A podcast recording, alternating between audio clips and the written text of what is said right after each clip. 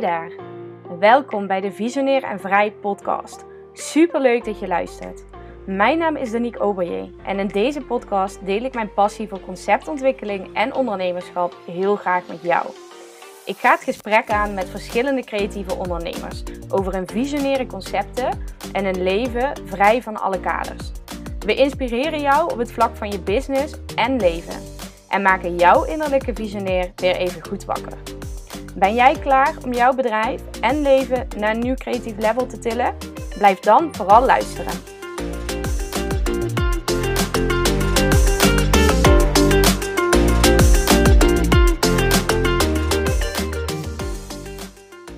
Hey, hallo. Super leuk dat je er weer bent bij een nieuwe aflevering van Visionair en Vrij de podcast. In deze aflevering ga ik het gesprek aan met een onderneemster die uh, voor mij persoonlijk uh, veel heeft betekend. Vooral in het, uh, in het beginproces van mijn eigen ondernemersjourney. ik heb vandaag namelijk aan mijn virtuele tafel zitten Judith, Judith Noordzij. Judith is 35 jaar oud, is online ondernemer en enorm gedreven om een fijn leven te leiden naar haar eigen voorwaarden. Op haar 27e, toen ze drie jaar werkzaam was als advocaat, belandde ze namelijk in een burn-out. En daarin ontdekte ze dat ze een heel groot deel van haar leven had geprobeerd in een bepaald plaatje te passen, maar zeer zeker niet haar eigen plaatje, namelijk het plaatje van de maatschappij. Sindsdien is het roer volledig omgegaan en spreekt, coacht, schrijft en inspireert ze zoveel mogelijk mensen om ook een heel fijn leven te leiden. Ze heeft daarnaast twee jaar de wereld rondgereisd in een camper en recent besloten om als ondernemer een aantal werkzaamheden neer te leggen, om een paar uur per week als jurist in loondienst aan de slag te gaan. Puur omdat ze dit leuk vindt en er zin in heeft. Dus omdat het binnen haar plaatje past. Nou, je kunt je voorstellen, ik ben super excited om het gesprek aan te gaan. Uh, Judith, welkom. Super leuk dat je vandaag wilde aanschuiven. Ja, dankjewel Aniek. Superleuk. Ja, heel, heel tof.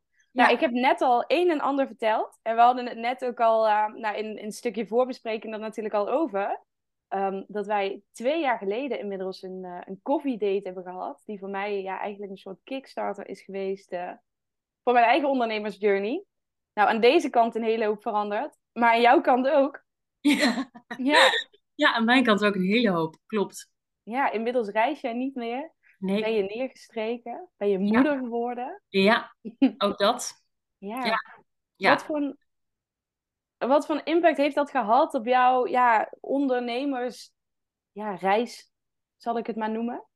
Het moeder worden? Ja. Ja, een hele grote. Echt wel groter dan ik van tevoren had verwacht. Um, omdat ik tijd, en dat vond ik eigenlijk altijd als ondernemer. Ik ben, ik, toen ik ondernemer werd, um, was mijn boodschap inderdaad toch naar buiten toe wel dat ik, dat ik mensen mee wilde geven dat het zo belangrijk is dat je je leven inricht naar je eigen voorwaarden. En daarbij bedoel ik, weet je, je hebt maar één leven en tijd is zo kostbaar. En het is zo zonde van je tijd als je 40 uur per week um, werk doet waar je heel ongelukkig van wordt. Of dat je een partner hebt waar je de hele dag, uh, je hele leven mee spendeert, waar je eigenlijk heel ongelukkig van wordt. Of nou ja, dat je dus eigenlijk je week en je tijd en je uren vult met dingen waar je eigenlijk helemaal niet blij van wordt dat is natuurlijk de boodschap die ik altijd had en nog steeds heel erg heb. Dat is ook waar wij het over gehad hebben met jouw koffiedate natuurlijk. Dat je eigenlijk zoekende was. Dat je zei van ja, ik, ik ben nu niet blij met wat ik doe. En als ik dat dus helemaal doortrek nadat ik moeder werd, dan wordt tijd nog iets kostbaarder, lijkt wel. Zowel de tijd voor jezelf, want die wordt minder, uh, als de tijd met je kind, want die is heel bijzonder. Dus ik ben nog meer gaan nadenken over hey, hoe kan ik mijn tijd zodanig indelen dat ik er ja, een blij mens van word. En dat als ik op deze periode terugkijk, over 10, 20, 30 jaar, misschien wel 50 jaar, dat ik denk, oh, ik heb dat op een fijne manier ingericht. Hmm. Ik wil dus geen moeder zijn die uh, overhaast elke ochtend uh, als een gek de kind af moet droppen bij de opvang. Um, en er s'avonds eind, tegen het einde van de opvang snel weer ophaalt, gestrest naar huis, snel boodschappen of snel koken. Uh, dat wil ik niet. Dat andere mensen willen dat wel, dat is natuurlijk helemaal goed, maar ik wil dat niet. En dus daar was ik over na aan denken. Van ik dacht, nou, ik wil wel veel thuis, thuis zijn. Maar ik vind mijn werk ook heel leuk. Ik vind tijd voor mezelf ook heel leuk. Ik vind het ook heel leuk om meer te zijn dan alleen moeder. Dus op die manier heb ik toch weer opnieuw gekeken naar hoe wil ik mijn geld verdienen? Ja. En hoe wil ik uh, hoe wil ik ja, mijn leven leiden? En zo heeft het moederschap me wel heel erg veranderd. Want wat jij net in de introductie al zei. is, ik ben de afgelopen zes jaar ondernemer geweest. En dat ben ik nog steeds. Eh, en dat ben ik ook in hart en nieren. Dus ik vind het best wel spannend om weer in loondienst aan de slag te gaan. Ehm, maar er zijn een aantal werkzaamheden in het ondernemerschap die mij nu, vind ik, te veel tijd kosten ten opzichte wat, van wat het mij nu oplevert. Mhm. Waardoor ik heb besloten om 16 uur per week in loondienst te gaan werken als jurist. Omdat ik dan eigenlijk twee vliegen in één klap sla. Want ik vind het en heel leuk, uh, het recht, het recht gewoon heel leuk. Ik vind het heel leuk om daarmee bezig te zijn. Als ondernemer doe ik dat niet. Als ondernemer wil ik dat ook niet doen. Dus ik heb me de afgelopen jaren gewoon heel veel juridische podcasts geluisterd, juridische boeken gelezen, omdat ik dat gewoon nog steeds leuk vind. En opeens dacht ik, hé, hey, ik kan dat natuurlijk gewoon twee vliegen in één klap slaan, door dat gewoon weer als werk te gaan doen. Maar dan dus in loondienst verdien ik er ook nog eens wat geld mee. Heb ik twee dagen heel erg naar mijn zin, heel veel plezier. Ehm, dus laat ik dat gewoon eens gaan proberen. Dus op die manier heeft het moederschap mij eigenlijk doen, doen beslissen om die stap te zetten. Ja, mooi. Mooi hoe je het omschrijft. En je gaat ook echt in loondienst of ga je als freelancer aan de slag? Nee, nee, dat is een beetje lastig. Dat wilde ik eerst wel. Dat, ja, dat wil ik eigenlijk nog steeds heel graag. Alleen, ik ga als jurist aan de slag en uh, ook juridisch advies geven. En als je dat gaat doen, moet je bepaalde verzekeringen hebben als jurist. En die heb ik natuurlijk zelf niet. En dat, de kantoor heeft dat wel. Dus die zeiden eigenlijk gewoon van ja, als je gewoon bij ons in dienst bent, dan ben je gewoon verzekerd. Ja. Toen dacht ik, ja, anders moet ik dat allemaal zelf gaan afsluiten. Voor... En het is niet dat ik daarnaast natuurlijk ook nog uh, juridisch ZZP'er ben, want dan had ik zelf die verzekering afgesloten. Maar nu ga ik het alleen maar daar doen. Toen dacht ik, dan ga ik gewoon in dienst. En dan uh, val ik gewoon onder die overkoepelende verzekering. Dus dat is eigenlijk de administratieve achtergrond van het feit dat ik in de loondienst ga. Ja, ja interessant. Wel, wel heel mooi vind ik echt hoe je er ook over, over deelt. Um, want, en ik ben ook heel benieuwd naar jou, jouw kijk daarop. Hè? Jij bent, ja, ik zie jou echt als een soort boegbeeld van inderdaad je eigen leven leiden. En daarin ook de keuzes maken die jou, nou ja, dat, dat plezier en dat geluk en die vrijheid en tijd opleveren. Maar ik weet dat er binnen het ondernemerschap natuurlijk ook best wel een soort van, ja, uh, iets heerst. Een stigma, of hoe je het ook wel noemt. Van als ik in loondienst ga, dan heb ik gefaald als ondernemer. Ja, ja. Wat mij betreft bullshit. Maar ja. hoe heb jij dat ervaren? Zijn die gedachten opgekomen? Is dat, uh, hoe kijk je daar tegenaan? Nee, helemaal niet. En dan, maar dat komt ook eigenlijk wel echt omdat het voor mij geen financiële beslissing is om dit te gaan doen. Want ik zit in de, in de luxe positie dat mijn onderneming op dit moment mij voldoende oplevert, waardoor ik daarnaast geen ander werk hoef te doen. Alleen ik word gewoon niet zo blij van sommige werkzaamheden die ik nu doe. Hm. En ik word uh, van dus het, is, het was voor mij gewoon meer zoeken naar hoe kan ik mijn week zodanig invullen dat ik gewoon blij word van het werk wat ik doe. En daardoor heb ik dus bepaalde, ja, en daardoor heb ik deze, deze keuze eigenlijk gemaakt. Ik blijf ook daarnaast ondernemen. Ik blijf best wel veel doen. Maar even bijvoorbeeld één op één coachen ga ik niet meer doen. Uh, mijn lezingen schroef ik terug. Ik ga een aantal dingen waar ik zelf veel acquisitiewerkzaamheden in moet doen. Die schroef ik terug, omdat ik even geen zin heb in die acquisitie. Uh, de, al het werkzaamheden, de werkzaamheden die gewoon lopen, die lopen eigenlijk allemaal best wel goed. En die blijf ik ook doen. Maar daarnaast, dan heb ik gewoon eigenlijk wel nog tijd over. Vind ik het gewoon heel leuk om iets met het recht te gaan doen. En dus heb ik besloten om daarnaast in dienst te gaan. Dus ik zie het voor mezelf eigenlijk meer juist als een uh, win-win situatie. Ja, eigenlijk een toevoeging, bijna. Ja, ja. ja. ja, ja. ja. Ja, dus ook echt een keuze die je daarin gemaakt hebt vanuit een stukje plezier, vanuit een stukje liefde Helemaal. en niet vanuit angst. Nee, niet vanuit nee, moeten doen, want... Uh, ja, ja. ja, nee, want het, dat is het hele... Oh, ik, dat is misschien wel belangrijk inderdaad om erbij te zeggen. Dat zei ik net niet. Ik, um, dat, dat heeft het moederschap ook wel een beetje bijgedragen. Dat je dus de tijd die ik dan dus niet met Pip ben... en waarbij ik wel wil werken... heb ik ook wel de behoefte dat ik het gevoel heb dat ik echt iets bijdraag. En het gevoel heb dat ik van waarde ben. En, um, en ook daarnaast mijn hersens aan het werk zet en mezelf ontwikkel. En als ik kijk naar dat pakket, merkte ik dat ik dat op dit moment in het ondernemerschap miste. En dat als ik dat in het ondernemerschap zou willen gaan veranderen, zou ik daar gewoon heel veel tijd en energie in moeten steken. Want dan zou ik extra cursussen willen gaan volgen. Dan zou ik echt zeggen van nou, ik ga nu een jaar mezelf meer ontwikkelen om mezelf naar een hoger niveau te liften. En daar had ik geen zin in. Dus toen dacht ik, ik wil wel van waarde zijn, ik wil wel mijn hersens aan het werk zitten, ik wil geprikkeld worden om, ik wil uitdaging. Dat kan ik mezelf op dit moment niet bieden binnen mijn eigen onderneming. Dus ik laat mijn onderneming gewoon doorlopen zoals het loopt, want het loopt helemaal prima. En daarnaast ga ik in dienst uh, om daar dus meer uitgedaagd en geprikkeld te worden. Dat heeft wel heel erg meegespeeld. Ja. ja, dus ook daarin, uh, ja, de, nou ja, het stuk plezier, ontwikkeling. Um, Ja. ja. Uitdaging misschien ook. Ik vind het inderdaad wel mooi dat je dat zegt, want dat binnen het ondernemerschap dat gezien kan worden als Ja. falen. En dat vind ik ook wel het mooie. Ik, ik zal nooit zeggen. Ja, ondernemen is echt wel mijn tweede natuur. En het gaat me heel makkelijk af en ik vind het heel leuk. Dus ik denk wel dat ik dit altijd blijf doen. Maar het is niet zo dat altijd een droom van me is geweest om ondernemer te worden. En dat ik denk, ik moet altijd ondernemer blijven. Het enige wat ik heel belangrijk vind, is dat ik mijn hele leven blijf doen waar ik heel gelukkig van word. En welke vorm dat heeft en welke label daarop geplakt wordt en hoe andere mensen daar naar kijken, maakt me eigenlijk heel erg weinig uit. Dat heb je volgens mij al lang geleden Ja. grotendeels losgelaten. Ja, dat klopt. Ja. Dus dat maakt ook dat ik over zo'n keuze als dit, om dat dus 16 uur per week te gaan doen, dat ik alleen maar denk, nee ja, dat is toch helemaal leuk. Ja. Ja. En het grappige is, aan de andere kant gebeurt ook, hè, dat bijvoorbeeld ehm, mijn ouders, die, die zijn laaiend enthousiast. Die vinden het nu Ja. helemaal, die zijn zo blij.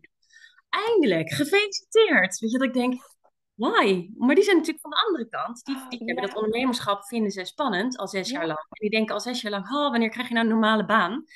Dus die hebben heel erg zoiets van, oh, yes, je hebt weer een stap vooruit gezet. Dus dat is de andere label, dat is de andere kant. Zo ik dan weer denk, ja, waar, waar maak je je druk om? Want het ging op en het, het blijft goed met me gaan. Dus wat dat betreft verandert er weinig. Is interessant, hè? Dat er dan eigenlijk Heel. een soort van twee, twee kampen of zo ontstaan. De, de diehard ondernemers, Ja. die misschien inderdaad het label hebben van... Ah, je gaat in loondienst, dus je bent geen, geen hardcore ondernemer meer of wat Ja. dan ook. Je faalt. En dan inderdaad de andere kant. De eh, zekerheidskant. de zekerheidskant, die Ja. denkt, yes, tien punten voor ons, zeg maar. Eh, Precies. wat fijn, wat goed, ja. Ja. Ja. Ik herken dat heel erg, want jij komt ook niet uit een ondernemersgezin, maak ik daaruit op? Nou, het grappige is dus dat mijn vader ondernemer is. Mijn Oh, vader wel? heeft 40 jaar zijn eigen bedrijf. Ja, maar die heeft een, eh, die, die is accountant, die heeft eigen accountantkantoor en die heeft dat gewoon een kantoor overgenomen. En die runt dus nu dat kantoor. Maar de manier waarop ik natuurlijk ben gaan ondernemen, dezelfde manier als jij. Echt gewoon in je eentje en gewoon maar eens kijken wie je kan bereiken en hoe je mensen kan helpen. Dat, zo zijn zij niet. Nee, zo zitten zij niet in elkaar. Dus mijn vader was daar al een paar jaar in dienst en die heeft op een gegeven moment dat bedrijf overgenomen. Ja. Toch, toch anders. Ja, ja, toch, ja, dan stap je natuurlijk ook op een bepaalde laag al in. Want het bedrijf bestaat al, het bedrijf Precies. draait. Nou, je weet Exact. al hoe het bedrijf van de binnenkant zeg maar werkt. Exact. Dus daar borduur Ja. je dan op voort. In plaats van Ja. dat je natuurlijk iets nieuws gaat creëren of gaat opzetten. Ja, ja, Ja. en dan, ik weet niet jij dat herkent, maar dat is natuurlijk ook, social media is voor hen natuurlijk ook wat Ja. vaag en wat abracadabra. Dus Ja. ze hebben dat altijd, dus ze hebben heus wel doorgehad de afgelopen jaren dat het gewoon goed genoeg ging. En dat vonden ze allemaal heel, heel, heel leuk voor me, denk ik. Maar ze hebben dat altijd een beetje vaag en spannend gevonden. Ja, oh, dat herken ik heel erg, ja. Want dat was ook de eerste volgende vraag. Ik zei dat ik dit werk weer ging doen, 16 uur per week. Nou, ik kreeg allemaal lof, eh loftrompetten over me heen. En toen was het, oh, ga je dan nu ook stoppen met social media? Ik zei, nee, er gaat voor de rest helemaal niks veranderen. Ik blijf ook gewoon nog dat allemaal doen. Dus toen zag Oh. ik ook een soort kortsluiting in hun hoofd. Van, eh, wat gebeurt hier? Ja. Ja. Huh?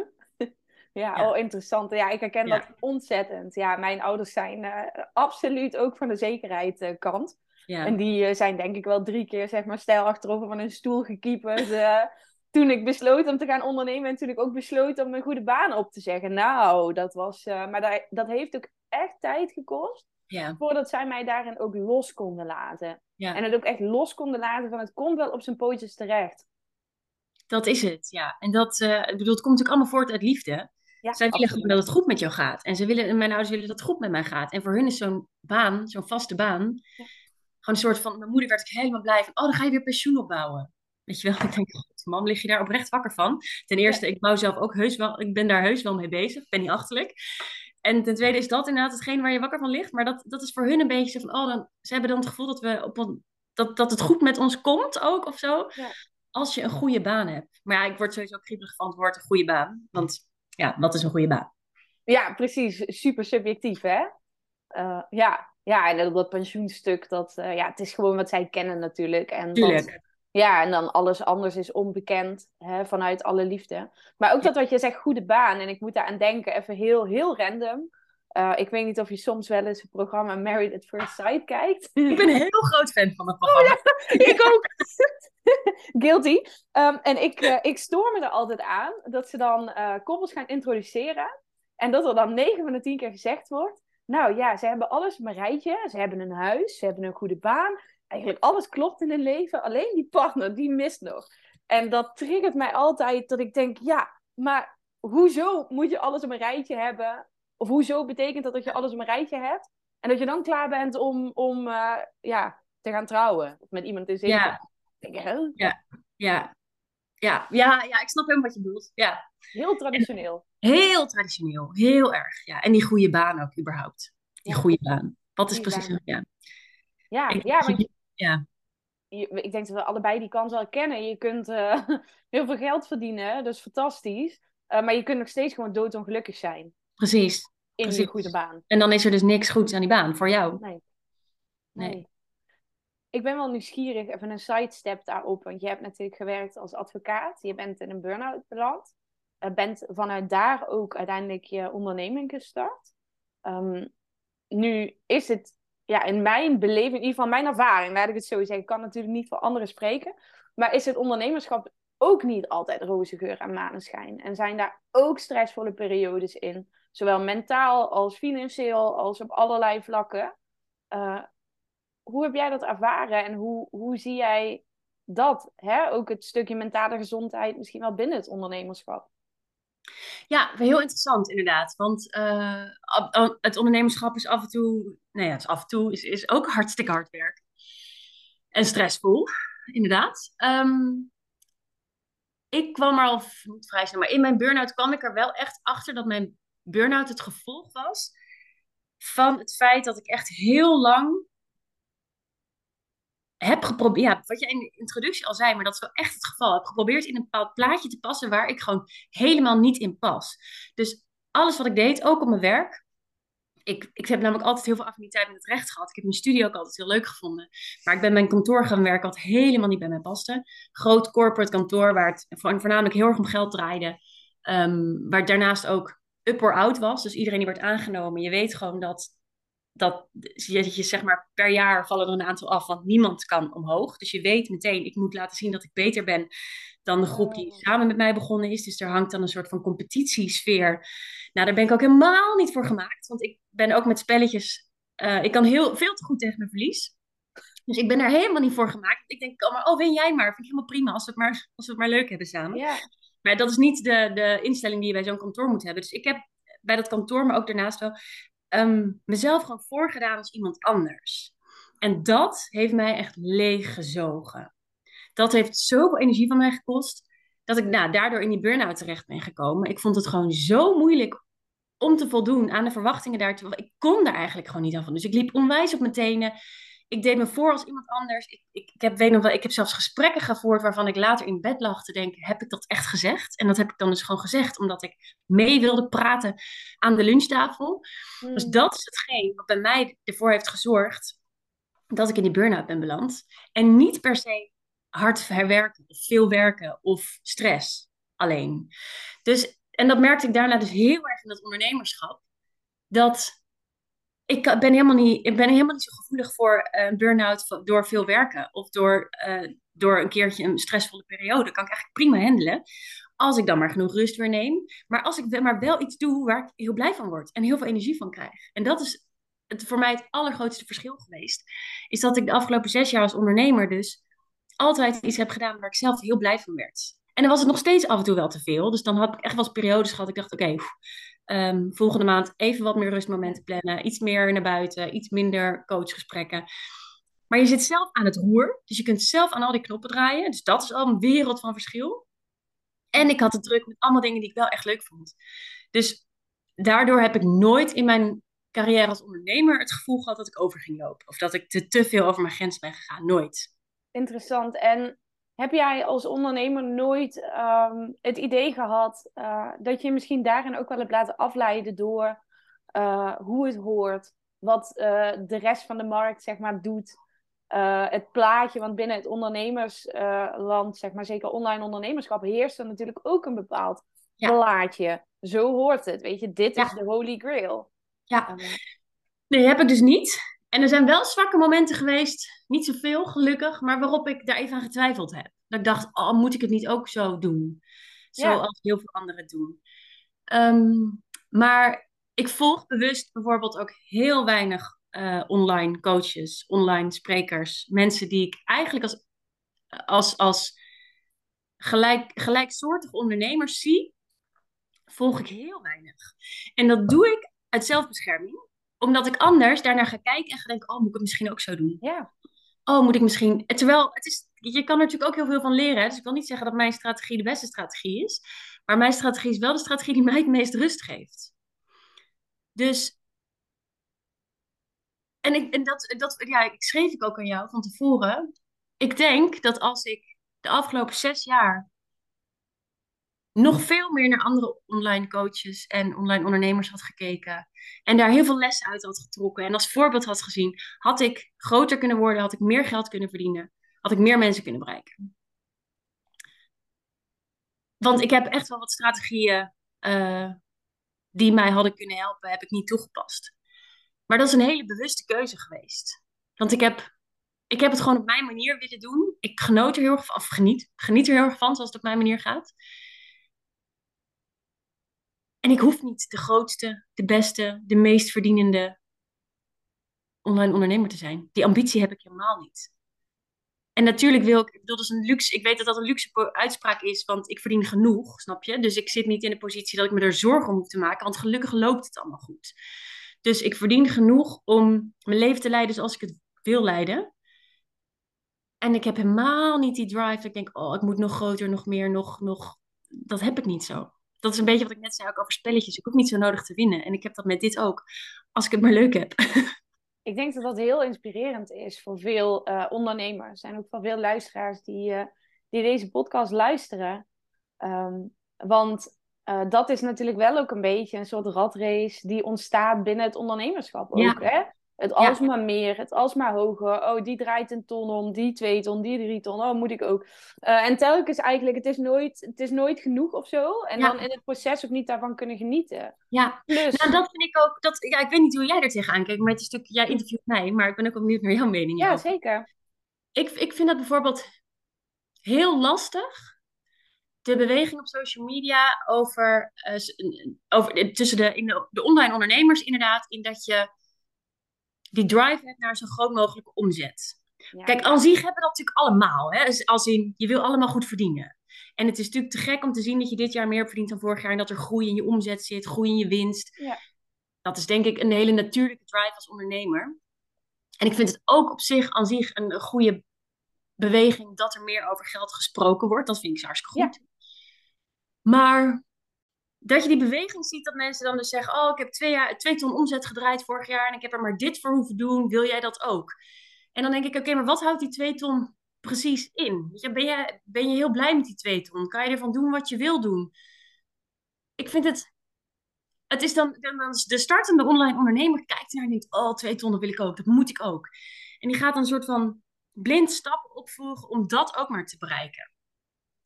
En dat vind ik een lastige beweging, omdat ik denk Misschien ben jij met anderhalve ton op je eigen manier een veel blijer mens. Als je niet al die stappen opvolgt en niet ook zo gepusht en gedreven wordt om die twee ton te bereiken. Ik vind dat een, ehm, ik vind dat een lastige, lastige beweging. Ja, ja ik, uh, ik ben het daar uh, helemaal mee eens. En ik zie hem ook gebeuren. En ik, uh, ook vanuit een stukje persoonlijke ervaring, heb me daar in beginsel ook best wel blind op gestaard. En, Snap ik. Ja, en zelf ook, weet je, oh, die draait een ton binnen een half jaar, die doet dit, die doet dat. En voor mezelf daarin ook die lat uh, heel erg hoog gelegd, hè, om datzelfde te bereiken. En inderdaad dan maar die stappen te gaan volgen die je dan zou moeten volgen. En bij mij is er ook een punt gekomen dat ik dacht van, ja, weet je, wat ben ik eigenlijk aan het doen? Dit past helemaal niet bij mij. Ik ben weer in een soort mal aan het gieten, of mezelf aan het duwen, waar ik eigenlijk niet in pas. En ik zie het nu ook bij klanten van mij terug. Dat ik met klanten werk die eigenlijk zeggen van... joh, ik weet wel hoe ik een bedrijf moet bouwen. En dat lukt ook. En dat draait en dat loopt goed. Maar ik weet niet hoe ik mijn bedrijf moet bouwen. Of kan bouwen. Iets wat bij mij past. Alleen maar het standaard. Ja, precies. En daarnaast denk ik ook de cijfertjes op je bankrekening. Weet je, die ton of die twee ton. Die maken in essentie niet gelukkig. Hè? Het gaat er ook om... Uh, wat wil je ermee? Wat kun je ermee? En wat voor leven wil je leiden? Ja. ja. ja. Ja. en precies wat jij zegt. Ehm, je gaat dan dus weer proberen jezelf in een mal te gieten. Ja. In plaats van dat je dat even helemaal loslaat en gewoon bij jezelf denkt: hoe kan ik op mijn manier ervoor zorgen dat en ik heel veel plezier heb En dat, de, dat mijn cliënten, de mensen die ik coach, daar echt wat aan hebben en dat ik van waarde ben. Ja. En dat jij dan misschien de eerste twee jaar 90.000 omzet draait of 80.000.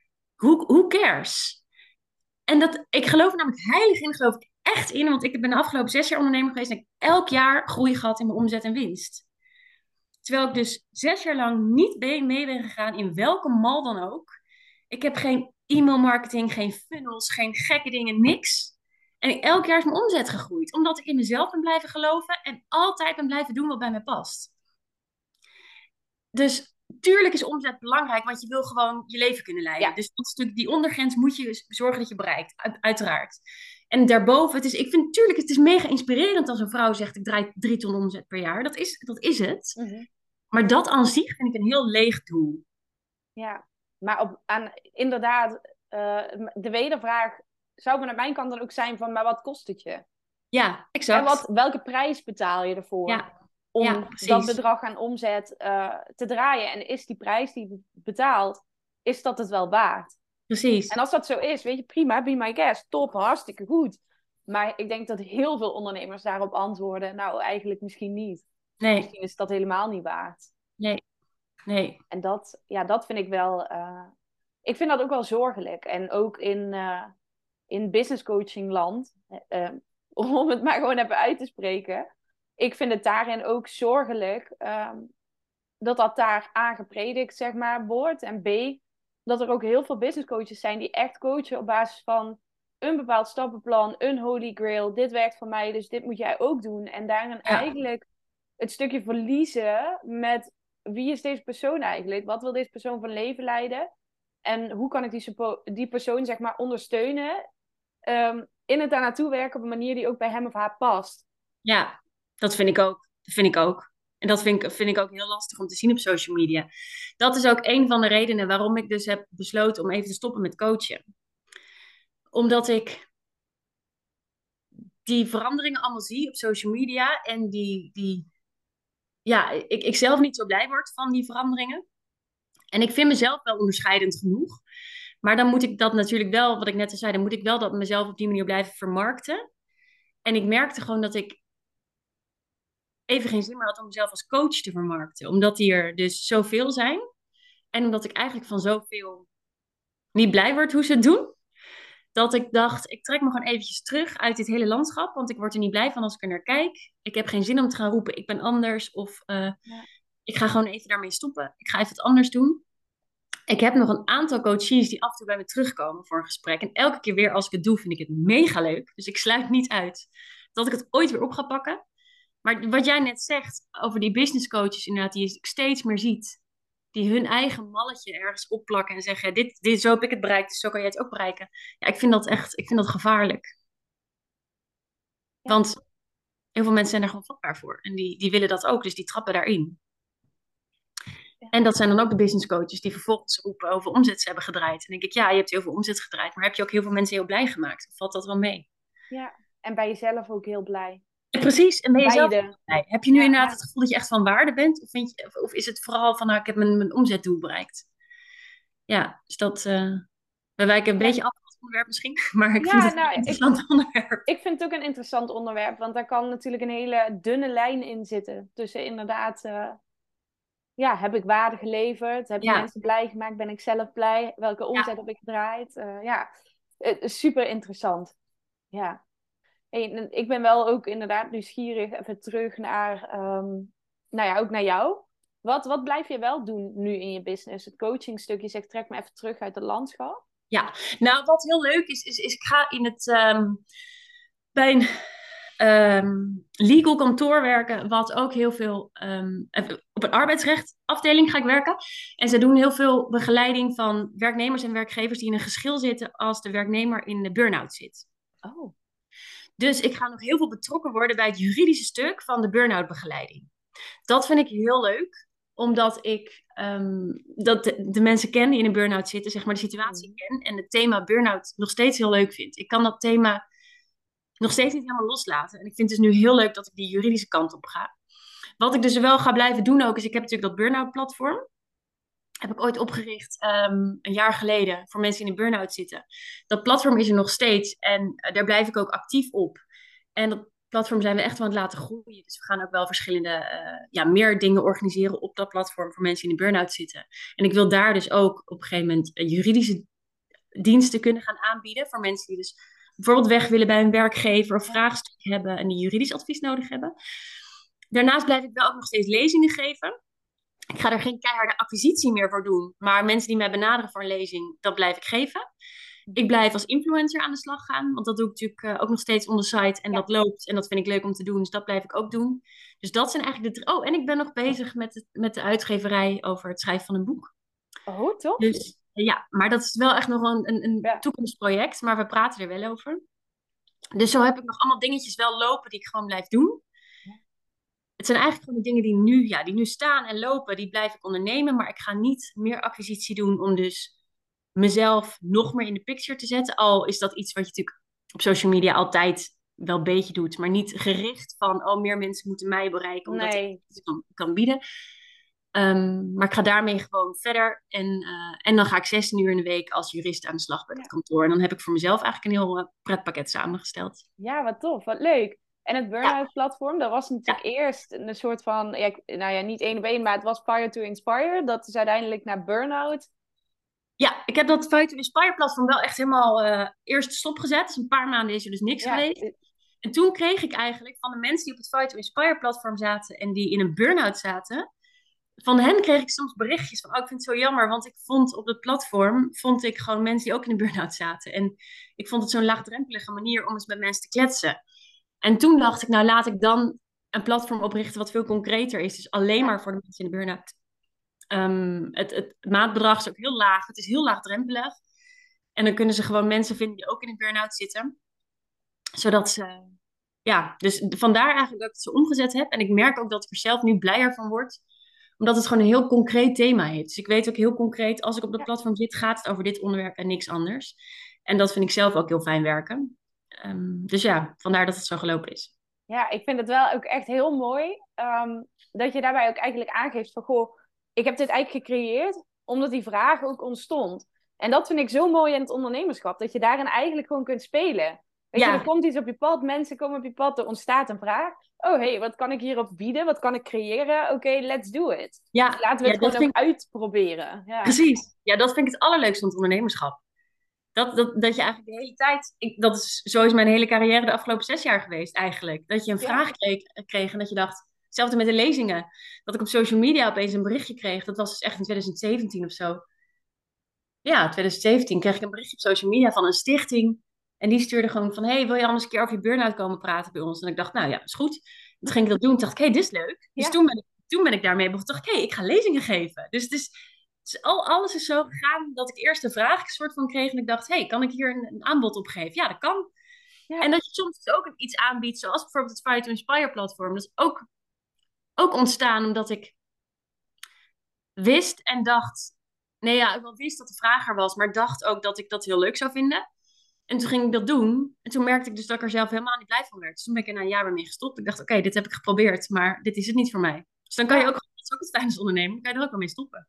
Ja, precies. Ja. En, en mooi ook dat de keuzes die je daarin maakt, dat de dingen die je opzet, uh, dat je dat ook echt kunt zien als experimenteren of als spelen. In plaats van, ik maak nu deze keuze, ik moet dit mijn leven lang doen. Dat is ook een mentaliteit die ik heel vaak ook terug zie komen. Dat ik denk, ja, maar mm, waarom? Ja. Je, als je niet gelukkig maakt, dan kun je het natuurlijk ook loslaten. En ja, als je als kind in een speeltuin uh, nooit te glijden op een schommel probeert, weet je ook niet welke je leuker vindt. Dus... Nee. Nee, klopt. Ja. En... Dat, ja, dat, ik vind dat het allerleukste van ondernemen zo ongeveer. Dat je ook gewoon, dat je zomaar iets kan beginnen, maar ook zomaar weer met iets kan stoppen. Ja, en kunt bijsturen, heel makkelijk Precies. eigenlijk. Ja. ja. ja. En jullie hebben natuurlijk ook uh, Just the Lifestyle gehad. Hebben jullie nog? Uh... Ja, maar daar doen we niks meer mee. Niet actief? Nee, niet actief. En dat is eigenlijk gewoon omdat je op een gegeven moment ook gewoon wat keuzes moet maken ja. in het leven. En dat was een uit de hand gelopen hobby van ons samen. En tijdens de reis en alles ging dat supergoed. En vonden we het heel leuk om daarmee bezig te zijn. Toen kwamen we terug. Toen ging Maarten weer aan het werk met zijn eigen ding. Uh, ik was natuurlijk zwanger en ik had ook mijn eigen onderneming. Dus toen, toen liep dat niet meer. Toen hebben gezegd, nou dan we weer gewoon mee. Ja. ja, ook een mooi voorbeeld dus. Ja, precies. Van dat wat we net bespraken. Ja, ja. En ik ben nog wel even nieuwsgierig. Ehm, wanneer jij een, uh, ja, een nieuw iets zeg maar, de wereld inbrengt, zoals bijvoorbeeld zo'n burn-out platform, je, je um, proeft tijdens vraag. Ik kan daar een aanbod op creëren, dus dat ga ik doen. Hoe, hoe pak jij dat aan? Zeg maar ook de uitrol van zoiets. Uh... ik zie je lachen. ja, dat vind ik namelijk heel grappig als je het hebt over, uh, over, over malletjes en over hoe je dat aan moet pakken. Want ik pak dat als ik andere coaches bekijk, pak ik dat het volledig verkeerd aan. Want ik doe niet een aankondiging al een maand lang van oeh, stay tuned, meld je aan voor mijn nieuwsbrief. Uh, dan kom, nee. krijg je als eerste het nieuws. Dat doe ik dus allemaal helemaal niet. Ik heb geen nieuwsbrief. Um, ik pak dat heel simpel aan. Ik denk, oh, dan ga ik bouwen en dan ga ik dat bouwen. En als het af is, dan uh, zet ik een story en zeg ik, het is af. Hier, kijk. Zo gaat dat bij mij. En uh, soms dan, dan heb ik een idee. Ja, bijvoorbeeld ook met die weekplanner. In 2018 heb ik toen die weekplanner laten ja. maken. Ik weet niet of je dat nog weet. Die heb ik, ja, die heb ik ook gehad. Ja. ja. Ik had die gewoon laten maken voor mezelf. En toen kreeg ik allemaal stories van mensen. Oh, wat handig, waar is die van? dacht ik, oh, nou, ga ik er meer van laten maken. Ga ik die verkopen? Dus zal ik er honderd laten maken.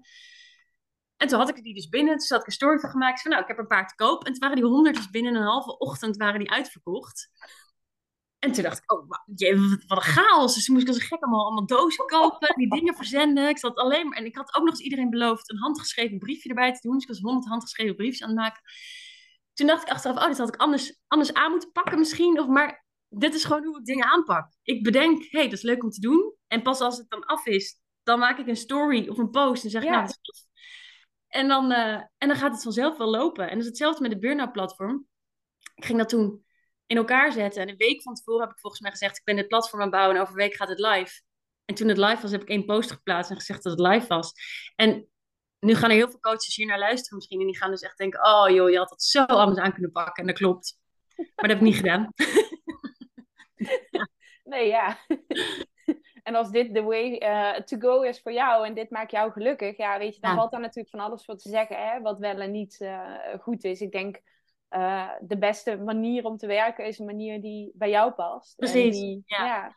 ja bij jou aansluit. Ja, en dus dat is, dat, dit is gewoon mijn manier. Ik vind het namelijk ook heel fijn daarin om dus de druk niet te hoog te leggen. En op het moment dat ik al ga aankondigen dat er iets aankomt en dat er iets groots aankomt en iets moois en iets belangrijks, dan voel ik ook meer druk om datgene ook zo groot, groot en mooi belangrijk te laten zijn als dat ik zeg dat het is. En als ik het gewoon niet aankondig, kan ik het lekker op mijn eigen tijd doen, eigen termijn. En als het af is, denk ik, nou, nu is het af en nu slinger ik het de wereld in. Ja. En dan duurt het dus iets langer voordat...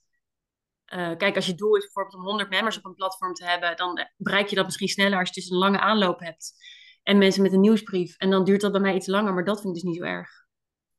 Nee, dat is dan eigenlijk de, de prijs die je daarin dan betaalt om het Precies. te doen op de manier zoals ja. je het graag wil doen. Ja. Exact, ja. En um, nou ja, ook de bouw van zo'n platform, maar überhaupt zeg maar alle dingen die je doet, dadelijk ook naast het juridische stuk, uh, nou, de dingen die blijven doorlopen. Hoe hou jij daar voor jezelf overzicht in? Ik weet natuurlijk, uh, ja, dat in eerste, nou ja, in beginsel uh, deed je dat op papier. Nog Hè? Planners, ja, daar was ik ja. nieuwsgierig naar, inderdaad. Hoe, ja, nog hoe steeds. dat nu? Ja. Is dat nog, ja. Ja, ik heb gewoon een digitale agenda. Maar elke week op zondag of maandag maak ik mijn weekplanning om dus te kijken hoe de week eruit ziet. Op papier. Ja, dat, dat moet echt. Anders heb ik chaos in mijn hoofd. Ik ben best wel chaotisch. Ik kan als ik aan het werk ben heel gestructureerd te werk gaan. Maar in mijn daily life, met alles wat ik aan het doen ben, best chaotisch. Dus ik moet echt overzicht hebben. En gewoon zien waar, van waar ik sta. Wat ga ik doen deze dag? Hoe ziet deze dag eruit? Ja. En, dus nee, dat doe ik nog steeds op papier. Elke ja, week. Dus daarin creëer jij voor jezelf wel die rode, nou ja, rode draad. In ieder geval het overzicht van, Ja. hey, dit gebeurt er. Binnen mijn business, binnen dadelijk nou, mijn loondienstjob, binnen mijn leven. ehm, en op deze manier eh, heb ik dat ingekleed of heb ik dat georganiseerd en dit voelt goed of niet goed. Ja, Ja. exact. Ja, Ja, ja mooi. Ja, dat vind ik wel mooi om te horen, want dat is natuurlijk ook het stukje waar ik bijvoorbeeld ook klanten mee help. Alleen doen we het dan digitaal.